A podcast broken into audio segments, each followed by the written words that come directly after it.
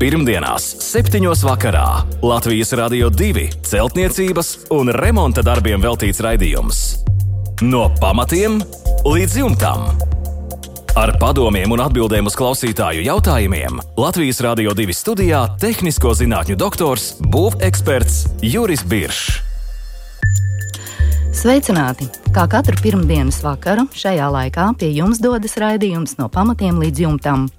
Studijā Inese un nākamo pusstundu uz jūsu iesūtītajiem jautājumiem par būvniecību un remontdarbiem attālināti atbildēs un padomus sniegs būveksperts, tehnisko zinātņu doktors Juris Biršs. Labvakar, Biršs kungs! Labvakar! Un sāksim šovakar ar bērziņu jautājumu. Māja ir celta 1900. gadā. Bija guļbūve, vēlāk 50. gados to apmūrēja ar ķieģeļiem. Iekšpuse ir siltināta ar padomju laika saprasēto skaidu plāksni un tad apmesta. Un te nu bērziņš jautā, kā pareizāk darīt, kalt nost apmetumu un ņemt ārā šīs skaidu plāksnes. Tas paplašinātu telpu vismaz par 15, 20 cm. Ja jā, tad kā to veikt? Kā veikt siltināšanu un ar kādiem materiāliem? Šādi ir viņa jautājumi. Lūdzu, jūs atbildat, Biržkungs. Jā, nu, tā kā spriežot no tā, kā Bērziņkungs ir rakstījis, tātad pašas šīs apšūta, iekš, no iekšpuses apšūta saprasētā skaita plāksne un apmetums nevarētu būt 15, 20 cm uh, atbrīvotu telpu. Tā tas nozīmē, ka aiz šīm plāksnēm ir, es spriežu loģiski, ir tukša vieta. Tas nozīmē, ka ir vēl uh, kāda gaisa, gaisa sprauga palikusi.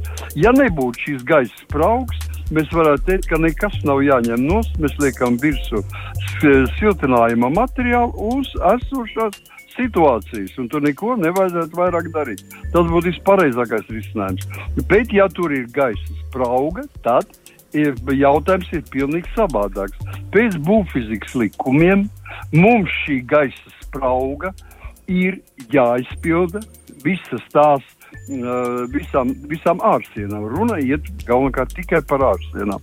Tātad ārsienās šādas spraugas starp apšubumu un uh, guļbūvi nevar palikt.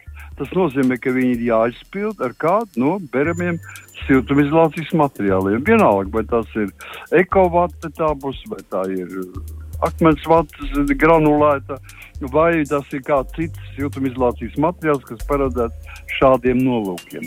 Tas būtu viss e, praktiski teiksim, vispareizākais. Tātad atstājam, kā ir, un vienkārši aizpūš, aizpildām šo spraugu ar saspiesta gaisa palīdzību, iedzenot tur iekšā, teiksim, pieņemsim ekovātu.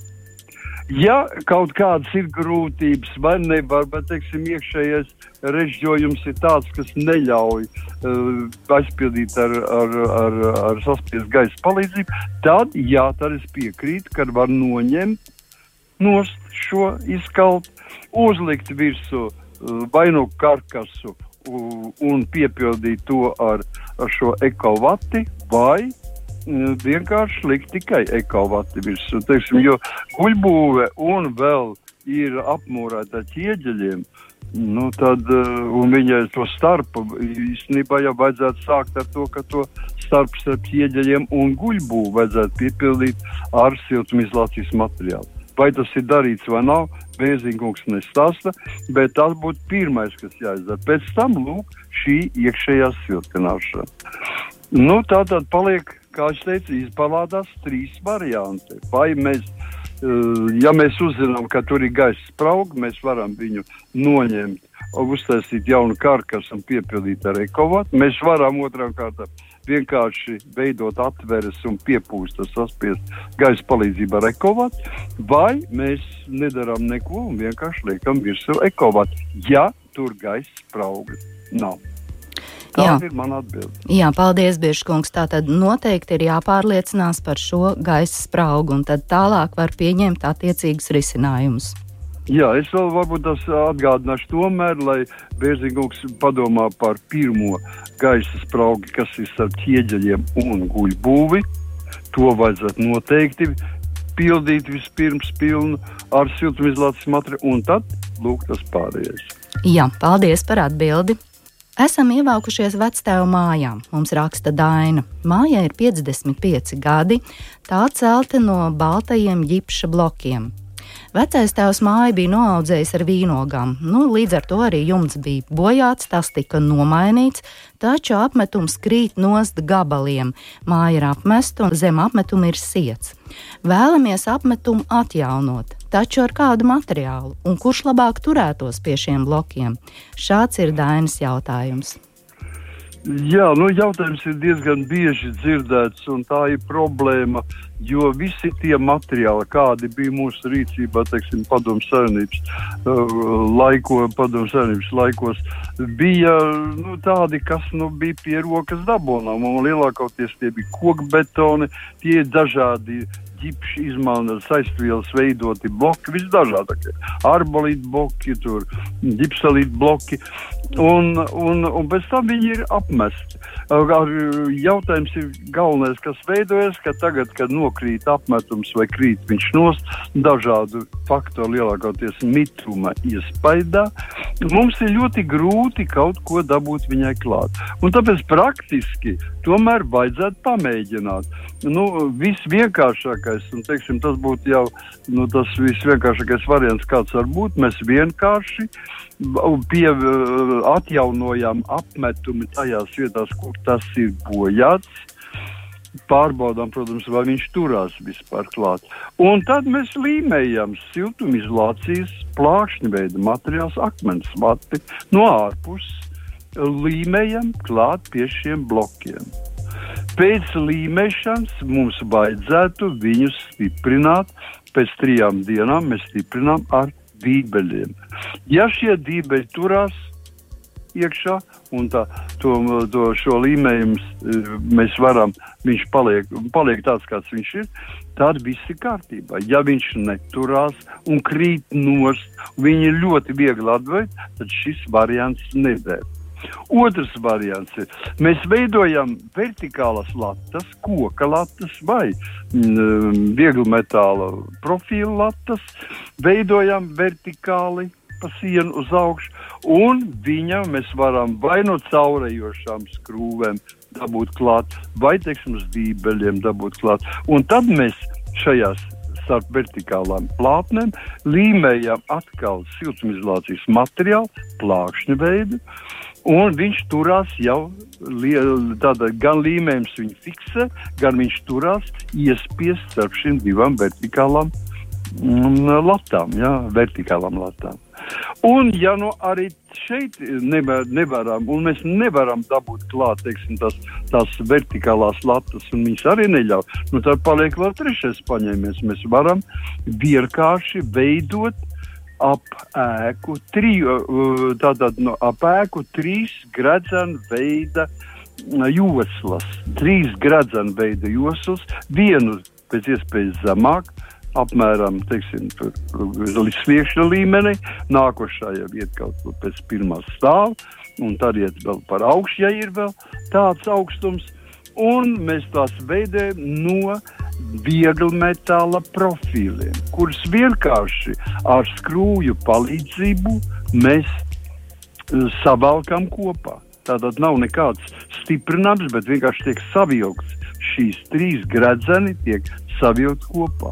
Un tad, kad viņi ir pietiekoši stingri savilkti un turās, tad mēs varam pie viņiem stiprināt vertikālas latas. Un starp vertikālām latām tālāk jau ar zināmo paņēmienu ko jau es tikko stāstīju, mēs stiprinām siltumizolācijas materiālu plāksnes. Un tad jau tas ir ļoti stipri piestiprināts. To parasti dara vis, visvājākajos, teiksim, skaitu betonu mm, izstrādājumu sienās. Un tālāk mēs varam uz viņu uzvest vai nu apšūt viņu, ja tādu siltumizolācijas materiālu noklāt ar vēja, vēja barjeru, zināma distancīta 2-3 cm teiksim, bija platumā. Un apšuvis materiāls. Vai arī patiešām uz siltumizolācijas materiālu mēs veidojam apmetumu, dekora, apmetumu un tad dekoratīvo kārtu. Lūk, tādas ir trīs iespējamības. Jā, paldies, Biržkungs, par izsmeļošo atbildi Dainai.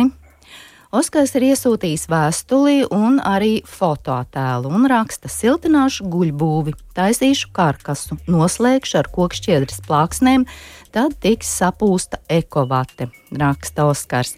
Cik biezu vajadzētu siltinājumu karkasu, ja baļķu diametrs ir 25 cm? Mājas augšējā daļa ir apšūta ar dēlīšiem, to mēs fotoattēlā ļoti uzskatāmi redzam, vai pirms siltināšanas tie ir jāņoņem. Varbūt karkasu var būvēt pa virsmu un aizpūst ar ekovati, vai ir būtiski no kuras vietas mājas stūra, respektīvi sāk būvēt karkasu siltināšanai. Šādi ir vairāk Oskara jautājumu. Jā, nu, jautājumi ir daudz un praktiski, un, un es domāju, ka mums diezgan tie pamācoši arī citiem, kas klausās mūsu raidījumu. Un tāpēc es teikšu tā, vispirms par baļķu diametrs ir ap 25 centimetriem. Ja mums būtu tikai viena koka, teiksim, lielu bieziem baļķiem veidot guļbūvu, kuru nevajag siltināt, tad viņi varētu būt kaut kur uz pārpat, nu, tas ir atkarībā no koka sugas, no vietas, kur šī māja atradīsies, kaut kur 40, 45 cm biezumā. Tas nozīmē, ka mums vajadzētu arī tam tuvoties, un tas nozīmē, ka nu, šī, šī siltinājuma karkasam vajadzētu būt 15, 20 cm teiksim, platumā.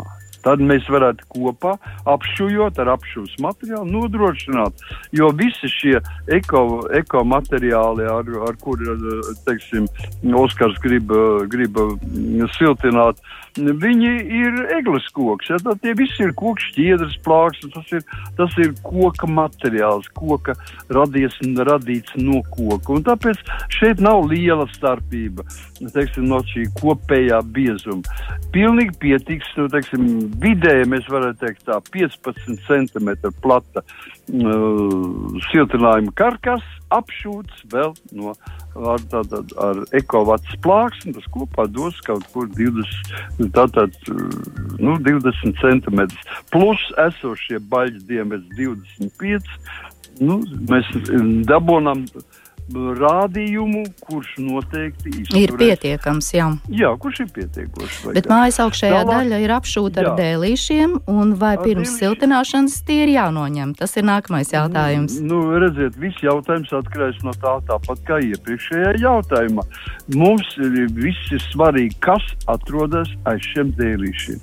Ja aiz šiem dēlīšiem nav nekā cita vairāk kā tikai, tikai teiksim, nu, telpa, vai aiz viņiem atrodas dēļu, dēļi, vai plankas, vai, guļ, vai, vai guļbaļķi, vai kas viņiem atrodas aizņem. Tātad man ir svarīgi, lai būtu, nebūtu gaisa sprauga, tukšums, bet būtu piepildījums ar koku materiālu. Ja ir piepildījums ar koku materiālu, mēs varam veidot šo karkasu, šo siltināšanas karkasu, varam veidot virsmu. Tā kā prasa Oskars. Bet, ja tur ir sprauga, tad šīs spraugas pirms ir jāizslēdz. Jā. Tātad atceramies visi, tātad Latvijas būvnormatīvs 002 19 saka par to, ka ja mums ir konstrukcija, kura ir sastāv no dažādiem slāņiem un kurā ir uh, vienā pusē tāda telpa, otrā pusē āra, āra gaisa, tad šajā telpā nedrīkst būt nekādas tukšumi, nekādas gaisa spraugas un tā tālāk, ja viņas nav veidināmas. Nu, ja jūs gribat siltinājumu, tad viņas nevar būt veidināmas. Tas nozīmē, ka mums jābūt cietam. Jā, paldies. Un vēl viens jautājums bija, vai ir būtiski no kuras vietas, respektīvi mājas stūra, sāk būvēt siltināšanas karkasu? Nu, tas būtu tāds subjektīvs jautājums. Es teiktu tā, ja cilvēks, nu, praktiski tas ir vienalga no kā tas, no kuras vietas, kur ir parocīgāk, kur tas ir izdevīgāk. Ērtāk. Bet, ja mēs, kur tas ir ērtāk, bet, ja mēs gribam būt nu, ļoti gudri, un tas jau nemaksā naudu, tad sākam to no ziemeļaustrumiem. Ziemeļ, uz ziemeļaustrumiem vistuvākā vieta, kas pieskarās ziemeļaustrumiem, šī, no šīs vietas vajadzētu sākt. No šī pakša, mēs varam teikt, no mājas stūra. Ja? Tas būtu, nu, teiksim, tādā gadījumā mēs ņemtu vērā arī savu senču ticējums. Gudrības. Jā, Jā paldies, Biržs kungs, par atbildi Oskaram. Pirmdienās, 7. vakarā Latvijas Rādio 2 celtniecības un remonta darbiem veltīts raidījums. No pamatiem līdz jumtam. Ar padomiem un atbildēm uz klausītāju jautājumiem Latvijas Rādio 2 studijā - tehnisko zinātņu doktors, būveksperts Juris Biršs. Nākamā ir Jāņa vēstule. Saviem spēkiem ceļu māju raksta Jānis. Sienas no 250 mm FIBO 3 blokiem, un grūti ir izvēlēties iekšsienu apmetumu, vai uz cementa kaļķa bāzes, vai uz ģipša, vai arī kādu citu. Labākais ir tīrais kaļķa vai māla, bet ir krietni dārgāks. Ko jūs ieteiktu Jānim Birškungs? Nu, jā, šī ir situācija, es saprotu Tas ir jau acīm redzot, ēka jau ir zināmā gatavības pakāpē, un ja jau runa iet par apmetumiem, tas nozīmē, ka ir zem jumta, acīm redzot arī logi, un, bet tik un tā, jebkurā gadījumā mums jāsaprot, ka būvēšanas momentā nebūs nodrošināta vēl tā, teiksim, pastāvīgā temperatūra, pie kuras atradīsies eksploatācija šīs ēkas. Tāpēc tas ir ļoti svarīgi zināt. Un pilnībā atkrīt manās uh, pēc manām domām, atkrīt ģipša vai kāds tuvināts ģipšiem apmetumi, jo viņi nekad nav paredzēti mitrumam, kas varētu būt lielāks par 60%. Šodien, ja jūs paskatīsieties, cik ir šodien mitrums, tas ir pār 80 un praktiski vidēji Latvijā vispār ir pāri 80% mitrums. Tas nozīmē, ka ja mēs paši saviem spēkiem ceļam, tas nav tik ātrs process. Un neriskēsim. Tāpēc es domāju, ka jebkurā gadījumā iekšpusē, ja jūs veidojat mm, apmetumu, tātad kas, ko es ieteiktu arī no FIBA blokiem, ja FIBA bloki ir veidoti kā pamata materiāls, tad no iekšējās puses noteikti viņam, jā, noteikti viņam jāliek virsū apmetums. Un tas nozīmē, ka es ieteiktu cementa bāzes apmetumu, kas visvienkāršākais un vislētākais. Protams, ka tas ir grūtāk izlīdzināms, bet viņš ir eh, tiešām ļoti vispraktiskākais.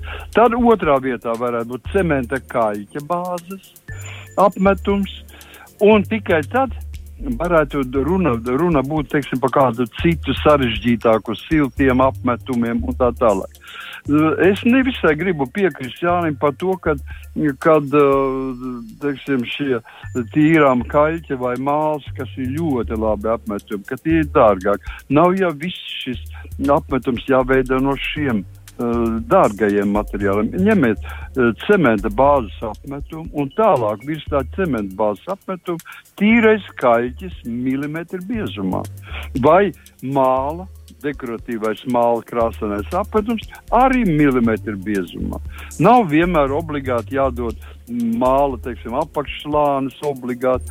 Nu, nu, mēs varam izmantot arī šādā veidā. Ja? Tikai tad būtu kas nepieciešams uzstrādāt uz šī pirmā cementa bāzes apmetuma, uzstrādāt tīkliņu. Ja? Tas ir ļoti, ļoti būtiski. Nu, praktiski viss. Jā, paldies par atbildi Jānim. Jautā klausītājs. Arī Kaspars ceļ savu māju, gāzbetona mūris, vienā stāvā klasiska divslīpņu jumta konstrukcija ar augstajiem bēniņiem, veidota no jumta kopņu sistēmas ar soli 900 mm, raksta Kaspars. Ir doma izmantot kādu no beramajiem siltumizolācijas materiāliem. Sākumā domāju par ekovati, bet ir arī citi beramie materiāli. Un jautājums jums, Biržkungs, kuru no šāda veida materiāliem jūs ieteiktu jaunbūvēi un kāds varētu būt siltinājums slānis? Un kāds arī kopumā varētu izskatīties griestu pīrāgs, lai liek netērētu naudu un arī darba resursus. Jā, nu tas, ir, tas ir ļoti plašs jautājums. Šeit varētu veselu grāmatu sarakstīt par šiem jautājumiem. Es domāju, ka tāds arī ir pie individuālā māju būvniecības. Bet uh, varbūt ļoti ātri izskriesim cauri šeit. Nu, tāds pats iesākums no, no karsētām smiltīm. Tātad karsētas smiltis kādreiz lika virsū uz šiem bēniņu, bēniņu pārseguma tātad tur bija attiecīgi papīrs, uz kā papīra virsū ir, ir šis karsētās smilts, un, bet viņš ir ļoti vecs materiāls, ļoti niedzi, slikti strādā priekš siltumu, un lai mēs šodien izpildītu, teiksim, visā pilnībā, teiksim, noteikums, kādiem jāatbilst, tad viņam būtu jābūt nu, ļoti biezam, tādam, kurš saplēstu visu pārsegumu noteikti nokriekrist iekšā. Tāpēc par to nerunāsim. Bet tālāk mēs ķeramies klāt pie vienkāršāka un agrāk ļoti plaši pielietotā skaidu materiālu, ja tās ir pieejams Kasparam, bet skaidām ir tikai nelaime tā, ka viņas ir jāimpregnē. Ja? Tas nozīmē, ka viņas vedat zinām laiku izturēt kalciju chlorīdu šķīdumā vai alumīnijas sulfātu šķīdumā. Pēc tam viņas ir žāvējams un tad viņas var bērt nu, teiksim, 20, 30, 40 centimetru biezā kārtā uz visu. Arī tāpat apakšā ir, ir, ir mums tātad papīrs, un uz papīra ir šī, šīs, nu, pareizāk sakot, virs bēniņiem parasti visbēnī pārsegumi ir melnie griezti, tad virs šiem melniem grieztiem ir veido papīru, un uz papīra liek šo siltumu izolācijas materiālu. Tālāk mēs pieejam kaut kam jau normālākam, un tātad ļoti ir interesants ir mm, mā, tātad, nu, keramisks materiāls, tātad keramzīts, granulēts keramzīts, bet viņš ir diezgan padārgs. Ja mēs izmantojam diametru kaut kādus 10, 20, 25 mm, apmēram šādas frakcijas, viņš ir lielisks materiāls, kas arī būtu liekas nemazāk, jau šajā gadījumā nemazāk kā 10 centimetri, bet uz augšu viņš arī dod ļoti labus rezultātus. Pie tam vēl ļoti labs rezultāts ne tikai siltumam, bet arī akustikai. Un viņi var kombinēt, teiksim, 10 centimetru keramzītu plus teiksim, normāli akmens vats, pārklājs vai pūsts, iepūšam akmens vats vai ekovats. Un tālāk, protams, pēc šī materiāla es gribētu nosaukt to pašu ekovāti, ko jau minējis Kaspars, kas ir manā gadījumā šodien ir viens no vis, visekoloģiskākajiem un vienkāršākajiem materiāliem, kas vismazāk izraisa kaut kādas blakus parādības. Un var likt arī pilnīgi normāli var likt virsū uz šīm melā griezta um, dēlīšiem un papīra, var likt virsū arī vienkārši akmens vate. Ja? Tā tad beramo akmens vati var likt virsū uz to. Nav nekādas problēmas. Un viņi būs daudz ekonomiskāka nekā ekovāta. Varbūt ne, viņai piemīt šādas tādas īpašības, piemēram, vajadzētu apakšējā kārtā nolikt mīkstā kokšķiedru plāks un tad bērt virsū. Lai nebūtu uzreiz uz cietajiem dēļiem, akmens vate var veidoties kondensācijas vieta. Tur ir savi, savi, eh, savi nelieli, tā sakot, uh, ieteikumi, ko speciālisti parasti zina šīs lietas. Un mm, visbeigās es gribētu teikt, ka ne jau vienmēr jābūt ir beramiem. Jūs varat likt arī ruļveida materiāls, tātad, kas ir ekonomiski, kas ir savācami un vairāk kārtē lietojami. Es domāju, ka tas ir tāds mazs ekskurss, kas varētu palīdzēt kas, Kasparam. Jā, paldies par atbildi Kasparam. Tiešām ļoti izsmeļoši, un es Kaspar saprotu, ka ir grūti izvēlēties to vienu vienīgo variantu un gribas izvēlēties vislabāko un pareizāko. Nu, es domāju, ka vajadzētu vienkārši sarakstīt visus šos materiālus, uzzināt viņu cenas, paskatīties, kā viņš jums personīgi patīk šie materiāli. Tad jau tā izvēle būs vienkāršāka. Nu jā, tabuliņa ar plusiem un mīnusiem. Jā. jā, paldies. Noslēgumā vēl Ligits jautājums ar ko aizpildīt gaisa spraugu sēnītes tipa mājai. Māja ir celta 50. gados. Kā un ar ko šādu māju arī vislabāk būtu siltināt? Jautā Ligita. Jā, nu te ir diezgan, diezgan, diezgan jocīgi, jo tā mazliet tā informācija ir par maz. Ja būtu līdzi foto uzņēmums, tad varētu daudz konkrētāk jums runāt. Bet nu, šajā gadījumā māju var veidot kaut kur, teiksim, visu mājas anorobežošo konstrukciju, gan no grunts līdz pat uh, augšā korei un pāri otrā pusē var veidot sfēriska jumta konstrukcija. Un tas ir kaut kas līdzīgs Vigbamam, tikai viņš ir apaļš. Ja?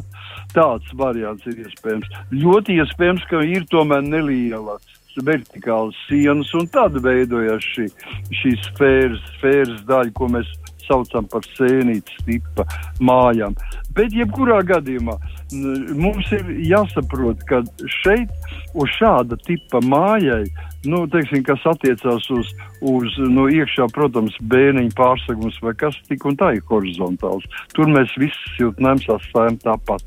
Kas attiecās uz sienu materiālu un jumta materiālu, tad jumtu vai sienas, kas ir, kas ir sfēriskas, mēs siltinām.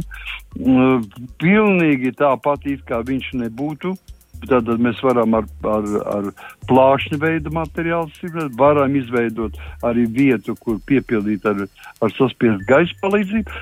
Šeit ir galvenais, ir pareizās vietās izvietot kores elementu. Kors elements iet pa vidu, un kors elements vēl iet kaut kur 45 grādu, teiksim, no, uz katru pusi no kors elementa. Jo viņš varētu būt arī savādāk izveidot. Šeit nav, šī ir konstrukcija bez izteiktām korēm, un tāpēc, bet nu, viņām ir noteikti jābūt. Ar vienu vienu vidējo kori ir par maz.